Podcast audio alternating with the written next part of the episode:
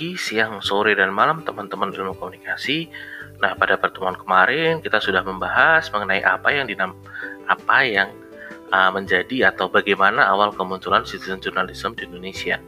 Nah, pada kesempatan kali ini kita akan mencoba membahas mengenai apa sih yang dimaksud dengan citizen journalism, kemudian unsur apa yang di dalamnya, serta faktor-faktor apa yang mendorong munculnya citizen journalism di Indonesia tanpa tanpa lama-lama lagi kita mulai episode podcast hari ini.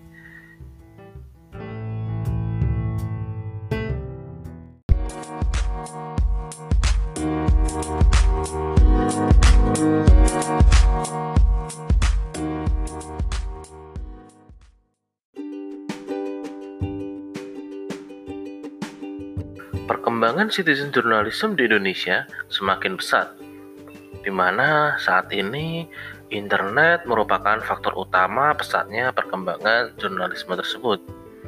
Mudahnya dalam mengakses informasi melalui internet menjadi peluang untuk publik mengetahui bagaimana menulis dan menyebarkan informasi atau berita. Ruang-ruang informasi kini bukan lagi hanya milik para wartawan dan media, melainkan juga milik warga biasa.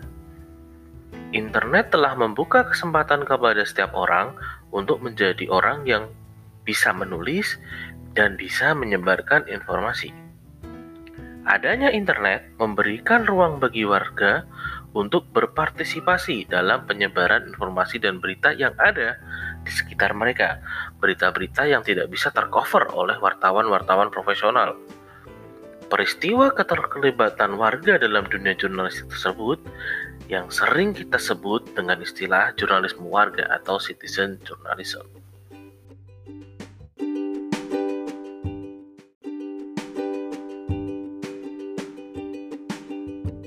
Sebelum kita membahas lebih jauh mengenai apa yang dimaksud dengan jurnalisme warga, ada baiknya kalau kita tahu dulu dong definisi atau cara memahami yang apa itu yang dimaksud dengan jurnalisme warga atau citizen journalism.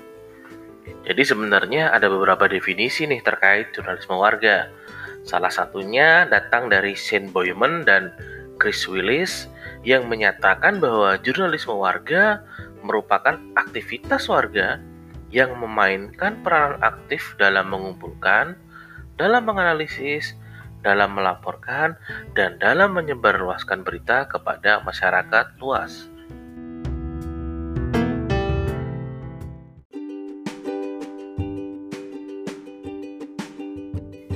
Selain itu, Yuda Pramesti mendefinisikan jurnalisme warga sebagai proses jurnalisme uh, proses jurnalisme warga biasa tanpa memandang latar belakang mereka, latar belakang profesi, keilmuan dan kawan-kawan, yaitu di mana individu dapat merencanakan, dapat menggali, dapat mengolah, dan mempresentasikan berita dalam bentuk tulisan, gambar, foto, laporan lisan, video, dan lain sebagainya.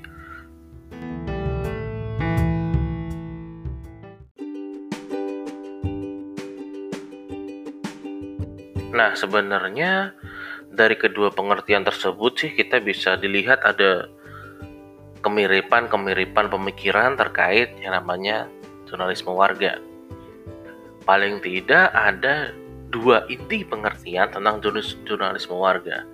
Yang pertama adalah adanya partisipasi warga dalam kegiatan mengumpulkan dan mengolah berita, baik dalam bentuk video atau lisan.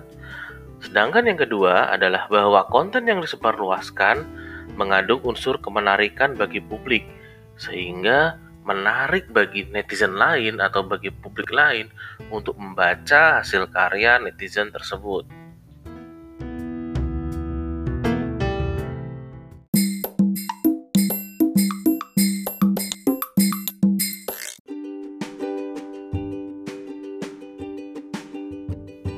yang namanya pengertian pasti nggak jauh dari yang namanya unsur. Uh, seorang jurnalisme kawakan namanya Pepih Nugraha menjelaskan ada beberapa unsur pada citizen journalism. Yang pertama adalah warga biasa. Jadi warga biasa di sini adalah siapa saja dari golongan mana pun tidak memandang latar belakang mereka, bisa ibu rumah tangga, guru, pelajar, usahawan, dan lain-lain. Dan unsur kedua yaitu jurnalis warga bukan wartawan profesional.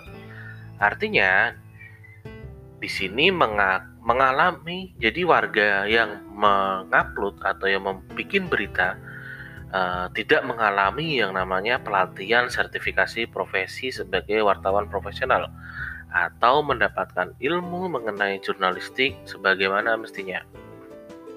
Kemudian unsur ketiga ada yang namanya jurnal, jurnalisme warga terkait fakta atau peristiwa yang terjadi.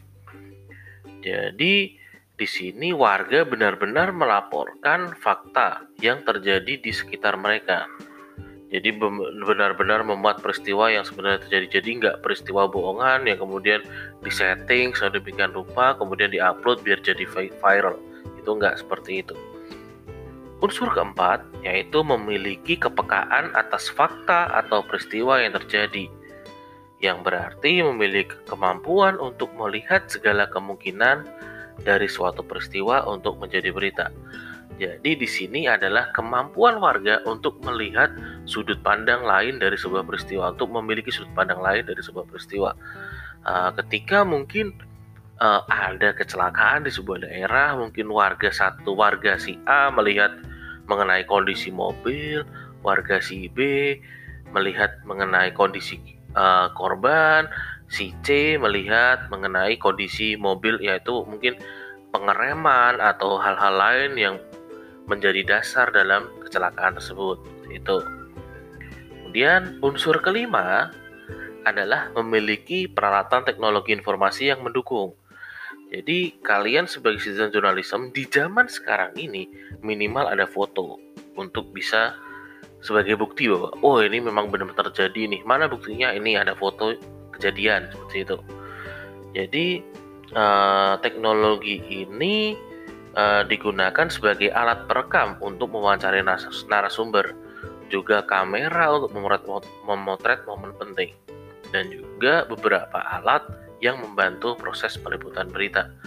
Jadi, uh, kalau kita melihat era sekarang ini, pasti uh, bisa dikatakan ya sebagian besar atau mayoritas memiliki handphone yang ada kameranya. Nah, dari kamera tersebutlah bisa jadi sebuah berita yang mungkin bisa bisa sempat viral atau bisa sempat uh, berita itu memiliki dampak ke orang lain secara luas seperti itu. Jadi uh, selama kalian mempunyai handphone atau smartphone kalian itu ada kameranya, kemudian kalian bisa menulis 5W1H itu sudah cukup disebut citizen journalism menurut PP Nugraha. Kemudian ada unsur nomor 6 yaitu memiliki kemampuan menulis atau melaporkan, serta memiliki semangat untuk berbagi informasi dengan yang lain. Unsur-unsur tersebut biasanya lekat dalam jurnalisme warga. Jadi kalau kalian mengaku sebagai jurnalisme warga tapi kalian nggak mau melaporkan atau nggak ingin nggak punya semangat untuk berbagi informasi ya sama aja bohong. Jadi kalian ngupload, eh kalian foto, eh ada peristiwa kalian simpan sendiri di galeri ya. Bukan jadi informasi bagi orang lain namanya gitu loh. Sehingga saya memiliki kemampuan menulis dan melaporkan tersebut uh, jadi bisa sebagai bisa menjadi sebuah faktor atau sebuah pedoman dalam mengidentifikasi apakah tulisan atau berita yang ada merupakan jurnalisme warga atau bukan. Jadi uh, nggak bisa disebut jurnalisme warga kalau misal beritanya itu dia sudah melibatkan wartawan, wartawan profesional, berita itu dijual ke media lain itu sudah bukan berupa jurnalisme warga. Sekali lagi, jurnalisme warga itu ibaratnya adalah kalian bikin berita, kalian upload sendiri. Tapi kalau yang bukan jurnalisme warga, participatory journalism adalah kalian bikin berita, kemudian berita itu kalian setorkan ke kantor berita untuk diupload oleh kantor berita tersebut. Itulah yang membedakan antara citizen journalism dengan participatory journalism.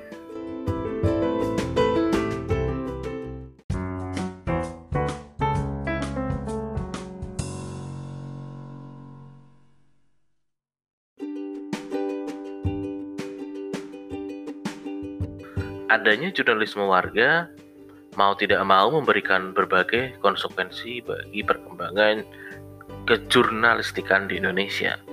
Salah satunya adalah bagi para jurnalis, jadi dengan munculnya atau maraknya jurnalisme warga, membuat para jurnalis harus berbagi ruang informasi dengan para citizen journalism, khususnya di dalam sosial media. Jadi nggak menutup kemungkinan bahwa jurnalisme warga itu lebih laku daripada jurnalisme biar jurnalisme pada umumnya.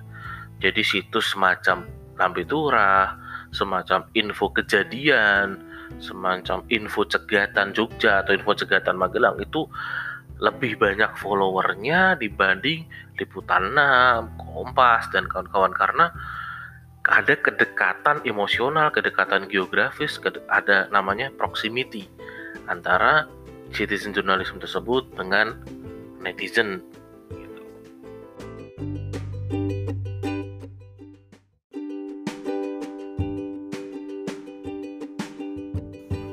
Jadi selain masalah ruang uh, wartawan yang semakin terbatas, jadi ada juga persoalan bahwa dengan adanya jurnalisme warga, maka memberikan dampak terhadap metode jurnalistik, terutama yang namanya keakuratan informasi.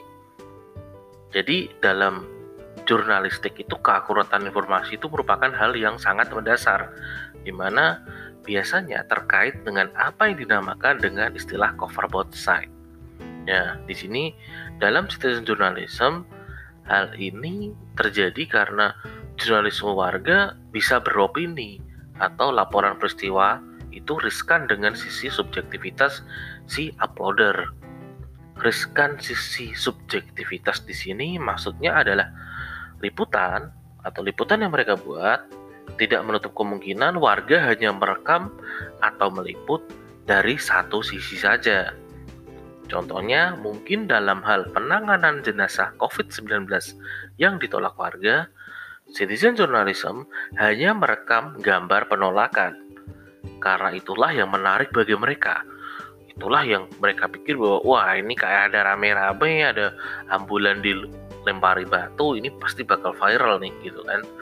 Jadi citizen journalism lupa bahwa mungkin ada unsur lain mengenai penolakan jenazah seperti mungkin mungkin ada alasan penolakan di situ. Kemudian mungkin apakah almarhum memang warga situ? Kemudian uh, yang menurut CJ bahwa hal-hal krusial krusial semacam itu itu nggak penting. Jadi merupakan hal yang tidak layak untuk diviralkan. Jadi daripada aku repot-repot nyari wah ini yang meninggal ini emang warga sini apa bukan? Yang meninggal ini memang uh, secara administratif bisa dimakamkan di sini atau tidak repot lah bikin cari-cari info kayak gitu. Lah mending ini ada gambar di depan mata gambar yang bakal viral di mana ambulan dilempari. Nah ini yang saya upload seperti itu. Jadi ris riskan dalam sisi subjektivitas adalah di situ. Jadi terkadang citizen journalism mengaburkan atau mengabaikan yang namanya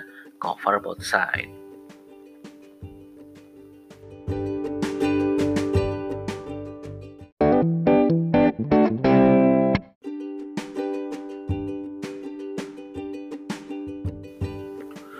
terkait citizen journalism di mana fenomena tersebut sekarang udah sangat menjamur. Jadi seseorang bisa dikatakan dapat menjadi seorang war seorang jurnalisme warga ketika dia memiliki beberapa kriteria. Uh, ada tiga hal yang harus dipenuhi seseorang ketika ingin menjadi jurnalisme warga.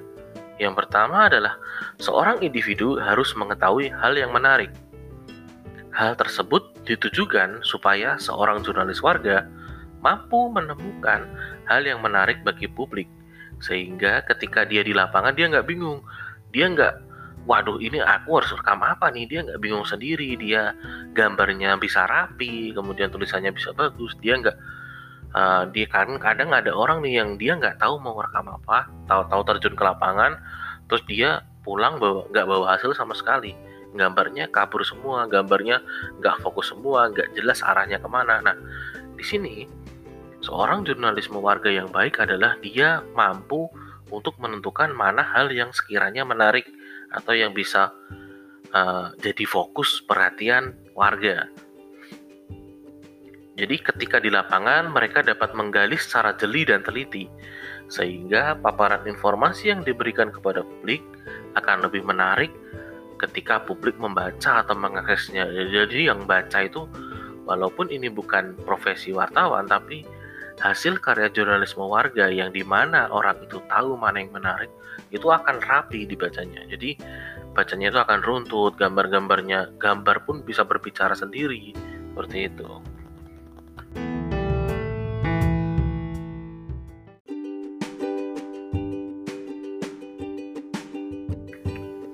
Syarat kedua adalah individu yang selalu ingin tahu, individu yang kepo, atau kalau kita bicara mengenai zodiak ya, yang Libra banget gitu. Libra itu kan identik dengan kepo.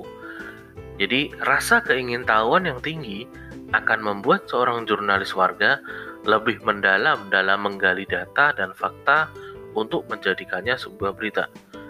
Jadi di sini rasa ingin tahu itu nggak harus wah berarti yang cocok perempuan dong mas. Lah kenapa? Karena perempuan kalau udah kepo itu serem. Nggak juga, nggak gitu juga gitu loh. Jadi di sini itu rasa ingin tahu itu kemampuan untuk lebih mendalam atau menggali. Jadi ini berkaitan dengan cover website tadi. Jadi dia nggak cuma dapat gambar yang bagus, tapi dia juga bisa memberikan penjelasan lain di luar gambar yang dia ambil seperti itu.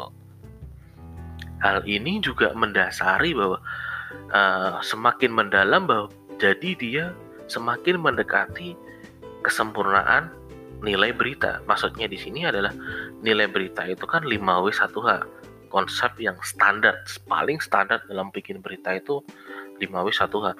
Nah, apabila dia semakin ingin tahu, semakin mendalam ketika dia mengorek informasi dari sebuah peristiwa, maka 5W 1H-nya ini akan lengkap dengan sendirinya. Itulah efek atau itulah dampak bahwa bahwa seorang itu ingin tahu itu bisa jadi jurnalisme warga yang bagus karena apa? Karena dengan ingin tahu dia bisa jadi mendalam dalam menggali informasi. Semakin dalam dia menggali informasi, maka 5W1H akan menjadi lengkap dengan sendirinya.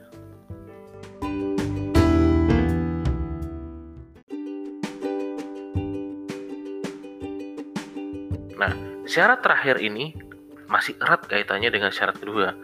Syarat terakhir atau ketiga yaitu seorang jurnalis warga harus memiliki kemampuan dalam observasi.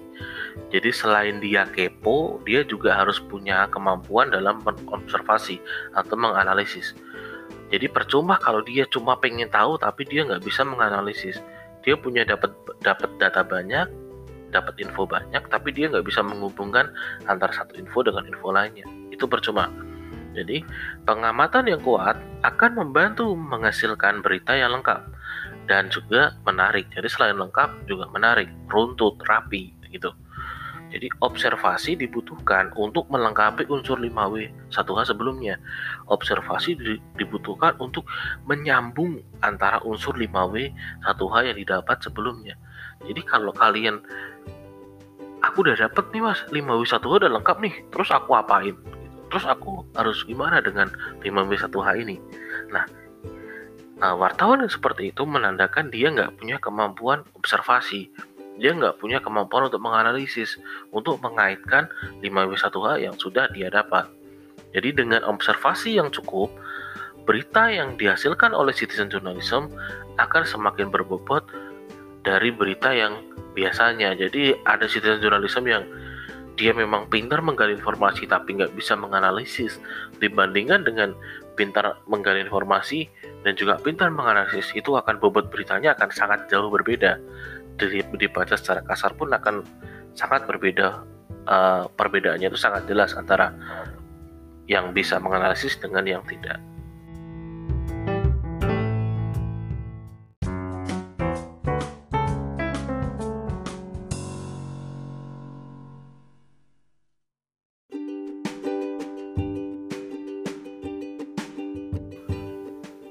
Nah, itulah tadi sekilas mengenai definisi dan unsur citizen journalism yang menyertainya. Kemudian pada podcast selanjutnya, kita sambung mengenai sejarah dan perkembangan citizen journalism di Indonesia. Sekian podcast hari ini, kita sambung lagi di podcast edisi selanjutnya. Terima kasih buat yang udah dengerin podcast ini sampai selesai. Akhir kata, wassalamualaikum warahmatullahi wabarakatuh.